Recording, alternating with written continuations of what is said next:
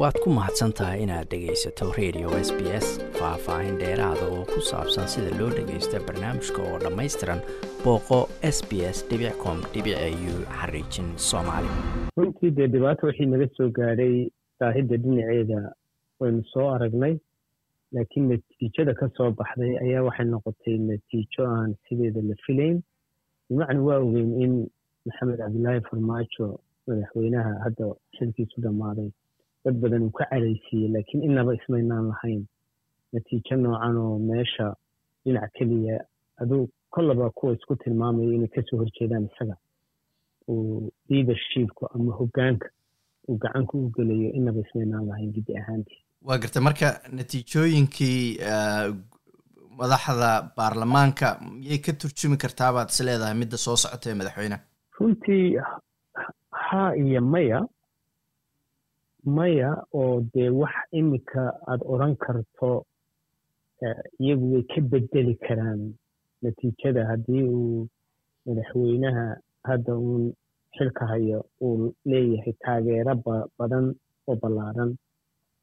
Waxaynu odhan kari lahayn inay nidaamka soo dedejiyaan waktiga ay cayamiyaan qof qof ay isleeyihiin hadda wuxu ballan qaada xagga hoggaankana ay gacan maroojin ku samayn karaan way dhici lahayd laakiin siday nooga muuqatay natiijadii gaar ahaantii ugu horreysay ee aqalka sare madaxweynaha intii dooranaysay wareeggii hore intii ay ahayd ayay wareeggii dambena ku soo noqotay. Sidoo kale aqalka hoose oo tirada badan ay doorashada ka soo gelayeen hoggaanka iyana sidii hore kii aqalkii sare si ka hooseysa ayaa natiijadiisu ahayd kuwa iyaga taageersan marka runtii fariin loo diraya baad moodaa madaxweynaha in isbeddel doonku uu dhinaca wada maray isagana in tiro yare ay ku hadhay waa gartay baarlamaankan sida loo soo xulay waa laga wada dheragsan yahay dhibaatooyin badan baa laga soo maray.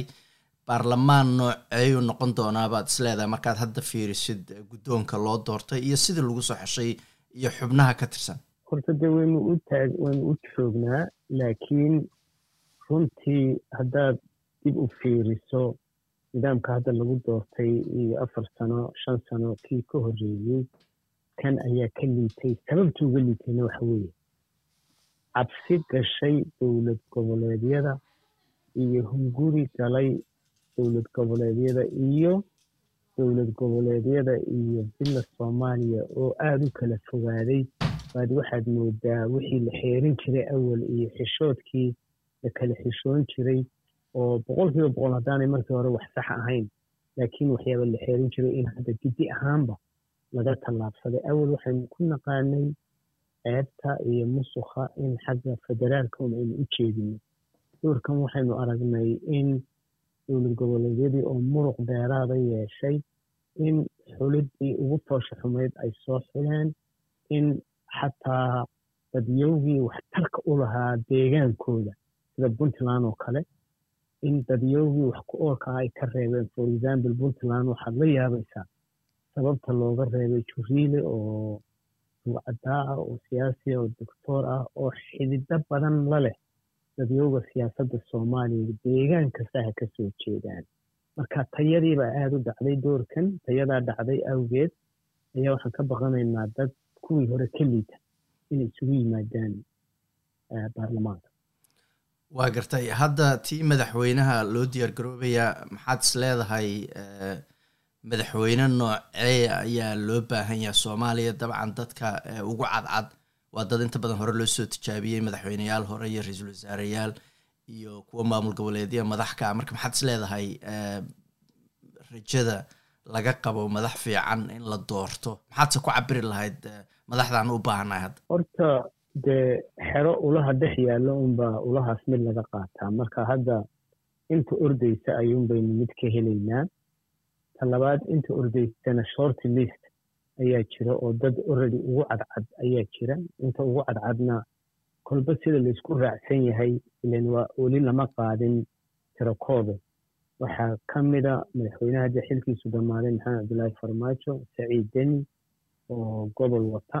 Inkastoo aan la sheegi karin dadka gobolkaa ka yimid inay gudi ahaan u codeynayaan arrimo iyagoo ugu gaara awgood. Waxaa kaloo isna aada u cadcad shariif axmed oo madaxweyne hore soo ahaan jiray iyo xasan sheekh oo madaxweyne hore soo ahaan jiray. Horta intaas ayaa laga yaabaa inay wareega soo gudbaan. Sidii loo kala bixi lahaa ma garan karno. Laakiin dee nin kastiba inta aan kuu sheegay ciladana wuu leeyahay. Meelo ka wanaagsanna wuu leeyahay. Waa runtaa ragga qaarkood waa la soo tijaabiyey laakiin taariikhda bini aadmiguna badiyo waxaa jira markii hore intay jaanis heleen arki waayo jaaniska la siiyey laakiin jaaniskii dambe markay heleen waxyaaba cajaa'iba qabtay. Waa taariikhaha bini aadmiga ku jira gaar ahaan dalalkan reer galbeedka sida maraykanka oo kale oo nin isku soo maray supreme courtiga ama maxkamadda ugu sarreysa iyo madaxweynenimo waxaa jira saasoo kalea ma garan karno laakiin afartaasaa ugu cadcad afartaasina way kala miirmi doonaan. Keliya waxa weeye inaynu rajaynayno in madaxda soomaaliyeed cashar ay ka qaataan sanad soddon sano oy waxba qaban waayeen. Ereygaasaa runtii muhiima wax alla wax maanta aad ugu xilan karto. Dadka isku tilmaamaya inay siyaasadda soomaaliya naciib u yihiin. Ma jiro soddon sano oo guurguurasho aada weliba dibu had ah bay sameeyeen marka waxaa aada isweydiin kartaa ilaah inaad ka toogi kartaa oo keliyata in baldoorkan ay waxaan ummadda soomaaliyeed rabto ay ka camal qaataan ay wax wanaagsan siiyaan. Laakiin ulaha un baynu ka dhex dooranayna waa garta marka xildhibaanadoo kale maadaama dadkii dad la yaqaan ay yihiin ay yihiin oo madax horey soo ahaa maxaad is leedahay go'aankooda inta badan way ku salayn doonaan? Ma guruubeysiba ma gobolaysiba ma qabiilba ma lacagta maxaad is leedahay qofka soo baxaya ama dadka codadka ugu badan heli doonaa sababtu way noqonaysaa? Horta lacagtu u malayn maayo sidii berigii hore inay u xoogeysanayso sida la sheegayo ilaa iminka lacag xoog leh oo guddoonka lagu dooranayeyna maynaan arag hadday ahaan lahayd meelay ka soo muuqan lahayd laakiin waxyaabo badan oo irregular ama aan la filayn baa dhacay. For example waxaa ka mid a gabadha sacdiya oo debutiga labaad ama ku-xigeenka noqotay aqalka hoose xataa gobolkay ka timid madaxweynaheedu ma wadan. Sidoo kale ninka labaad aqalka sare oo isna puntland ka soo horjeeda madaxweyne saciidan isagana ma wadan. Waxaa kaloo jirta ninkii jubbaland axmed islaam watay inuu isaguna soo bixi waayey. Galmudug oo iyagu meesha awal aada uga muuqan jirtay qaybta labaadeed leadershipka ama ku-xigeenada aan doorkan inaba ka soo bixin. Waxyaabo markaa aan lagu xisaabtami karayn baad moodaa inay dhacayaan in gobolka qofku uu ka yimid u badnaan karaan xildhibaanada hadda jooga inay gobolkooda dhinac ay maraan ay mari karaan way dhici kartaa laakiin tirooyin wax ku oolana inay ka weecan karaan oo iskood meesha garaadkooda iyo dareenkooda geeyo ay mari karaan iyana waa la filayaa. Taa haddii laga akhristo waxa aynu hadda ku soo aragnay doorashada guddoonka baarlamaanka ee labada aqal. Marka doorka dalal badan oo farta lagu fiiqoo la yidhaahdo dad bay ama lacag siiyaan ama dad bay wataan sanadkan fursadoodu ama influensiga ay doorashada ku leeyihiin waa yar tahay baad leedahay? Waa yar tahay siyaabo badan iyo sababo badan baa loo tirinayaa. Arrimahaas kow dalalkan oo lacag badan iyo juhud badan ku bixiyey kala adkaan waayey. Wixii ay rabeenna ilaa iminka u suuroobi waayeen taasna waxa ugu wacan ummadda soomaaliyeed oo soo foojigan. Ama ha noqoto boobka iyo dhaca lala rabay khayraadkooda in lagu sameeyo. Ama ha noqoto qadar oo kale oo lagu dacweynayo inay ka soo inay ku hoos jiraan arrimaha argagixisadeeda iyagoo dowladdana dhinac kaga jira ama ha noqdeen dadkii batroolka soomaaliya daneynayay sida norway iyo waxdaas lacagaha dadka soomaaliyeed yur iyo qayladii ay ku qayliyeen taas way dhintay arrimaha kale ee labaad ee dhimay lacagihii carabta gaar ahaan ka imanayay waxa weeye mawjadaha dalalka carabta ku furmay ama yeman ha noqoto ama syriya iyo hadda oo ay faraha kaga gudatay dubay arrinta etoobiya iyo arrinta tigrega taasina waa labaa la leeyahay tan saddexaad oo ah dalalka carabta inuu maraykanku la hadlay uu yidhi arrintan joojiya inta doorashadani dhacayso haddii arrintaasi dab tahayna in isbeddelkeedii maanta la arko. Saddexdaa qodob waxaad moodaa.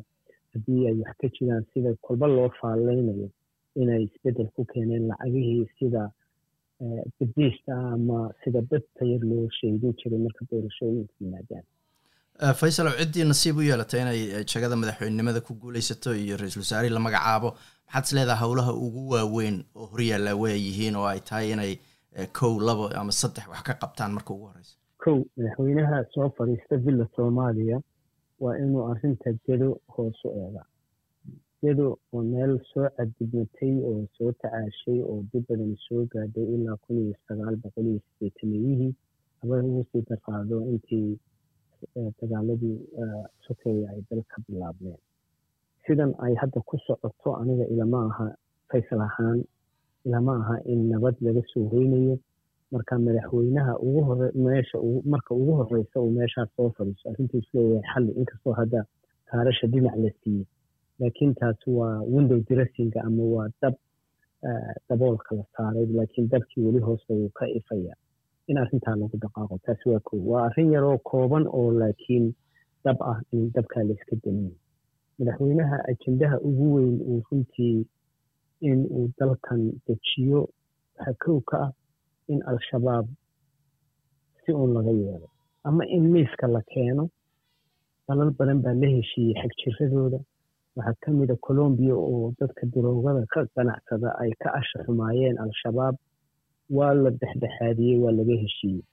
Waxaa kaloo heshiiyey south africa oo midabta koorkii aad ogeyd laga heshiiyey haddii la karo in al-shabaab lala heshiin karo oo arrinta sidaa lagu damin karo in madaxweynuhu ajenda uu ka dhigto haddii uu kari waayo taas ay diidaan in dalkan uu nabad u soo hooyo si dadku u kala socdaan. Dal aan la kala gooshayn oo isku taxnayn dal ma noqon karo. Walaal qodobada constitutionska ama axdiyada dalalka u yaalla ugu muhiimsan.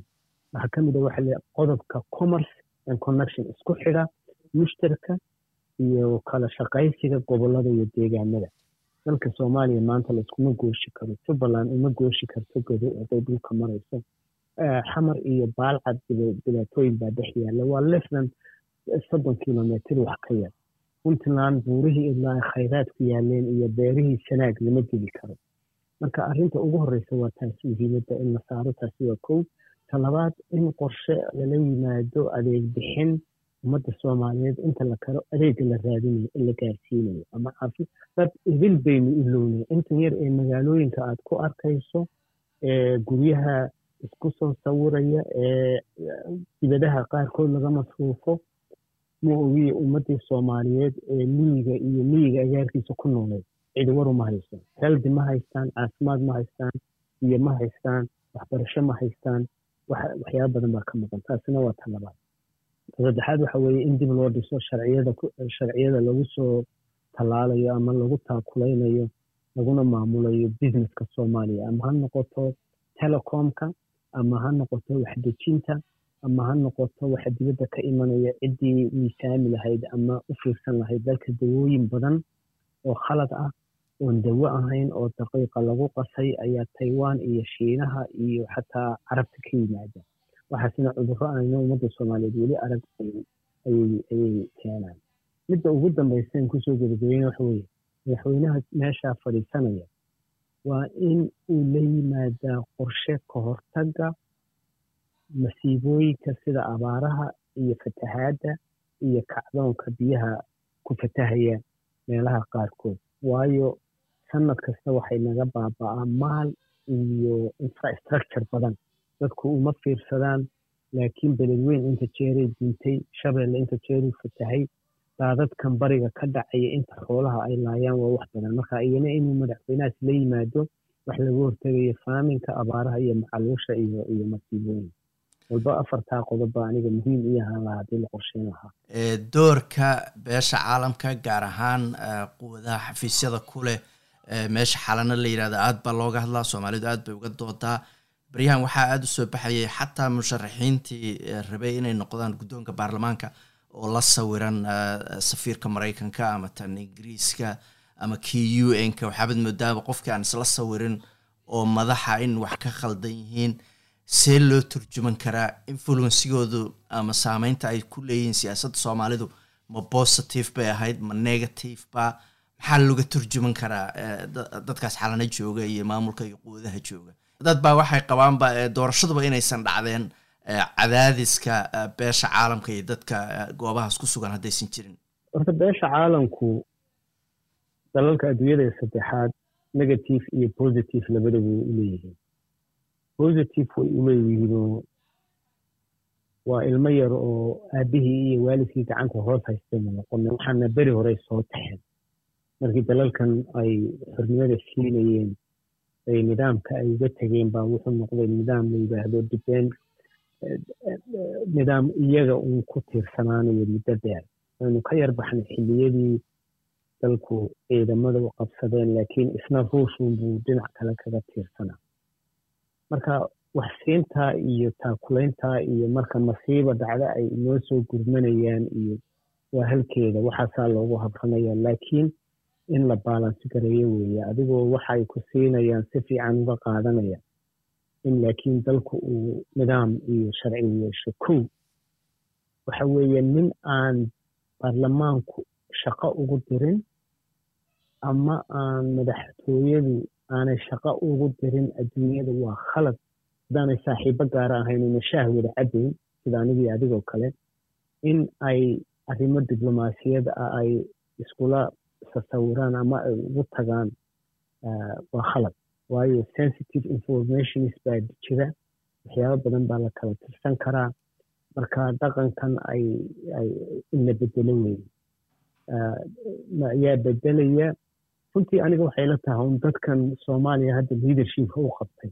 Intooda badani dad garasho fog leh inayna ahayn sababtoo ah dadkan ay saa iskula sawirayaan inta badan wax badan oo muhiim ah kalama sheekaystaan. Inuu soomaalida tuso inuu maraykanka isla sawiray ama euda isla sawiray ama igaad isla sawiray ayay wax weyn ka dhigaan.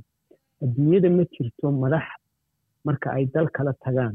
Baarlamaanka dadka kale isku soo sawira ama madaxda dadka kale haddaanay shaqala lahayn isku soo sawira waxaad arkaysaa nin soomaaliya madaxoo euda ama igaad baarlamaankeediiyo maran isku sawiray waa jaahilnimo waxaas haddii adigii reerkaagu aad fasax u baxdaan oo shaqo aadan hayn oo surwaal gaaban gashato meeshaad doontaad mari kartaa taa adigoo shaksiyadaada weyn.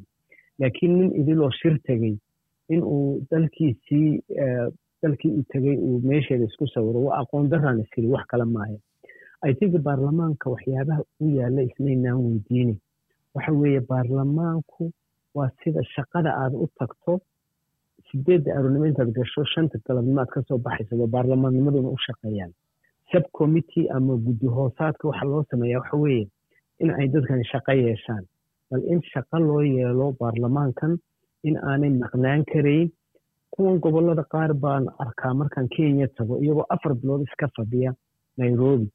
Wasiir buu ku magacaaban yahay ama baarlamaan buu ku magacaaban yahay. Marka waxyaabahaas in la soo jaro tan xalane i think dowladda soomaaliyeed waa inay firdhisaa xalane kaamkaas in la xidho ayaa dalka soomaaliyeed. Danta ugu jirtaa in guryaha dadku dhisteen ay kiraystaan ayaa danta ugu jirtaa in xeebtan ay sidii gumaysiga ummadda soomaaliyeed ka xidheen.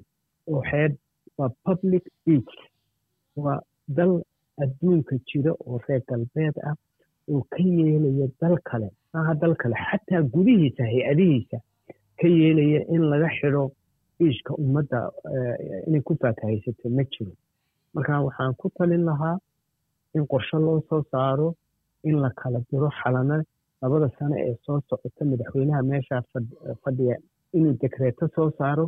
Dekreetadaasi ay sheegayso in xalane meel kale lagu bedelo in la kala firdiyo inay guryaha dadka karaystaan inay guryo ka dhex dhistaan magaalada inay cashuura bixiyaan in meeshan xalano leeyahay qaynuun iyo disciblin lagu soo saaro haddiise ay saa ku degayaan oo dowladda soomaaliyeed walaal saa ku ogoshahay in waxaan kaga jawaabi lahaa arrintaas sida fiilkayga ama casharkayga oo ah qorshe in loo sameeyo qorshe u gaara iyaga oo la xadaynayo oo la qiimeeyo oo waxay samayn karaan waxaanay samayn kari karayn sida ay beddeenna u isticmaalayaan cashuuraha laga qaadayo maxay ku magdabayaan dhulkanay ummadda ka qabsadeen waxaasoo dhan in qorshe loo soo saaro qorshahana lagu dhaqo laakiin sidan hadda ay ku jiraan waxay ceeb ku tahay ummadda soomaaliyeed in biijka qaybtii ugu fiicnayd ay qaataan. Hadda waxaan maqlayaa kismaayo qudeeda qolo dubay joogta in ay xideen dhul ballaaran oo dhowr kilomitir ah oo xeebta isna ah. Marka runtii waa yandaro waa biliilaqaysi cad oo dhulka soomaaliya lagu hayo waad ku mahadsantahay inaad dhegaysato raadiyaha s b s. Toos u dhegaysa barnaamijka habeenada arbacada iyo jimcada tobanka fiidnimo. Ama kaga soo cesho website-ka iyaga iyo s b s radio app. Booqo s b s com au xariijin soomaali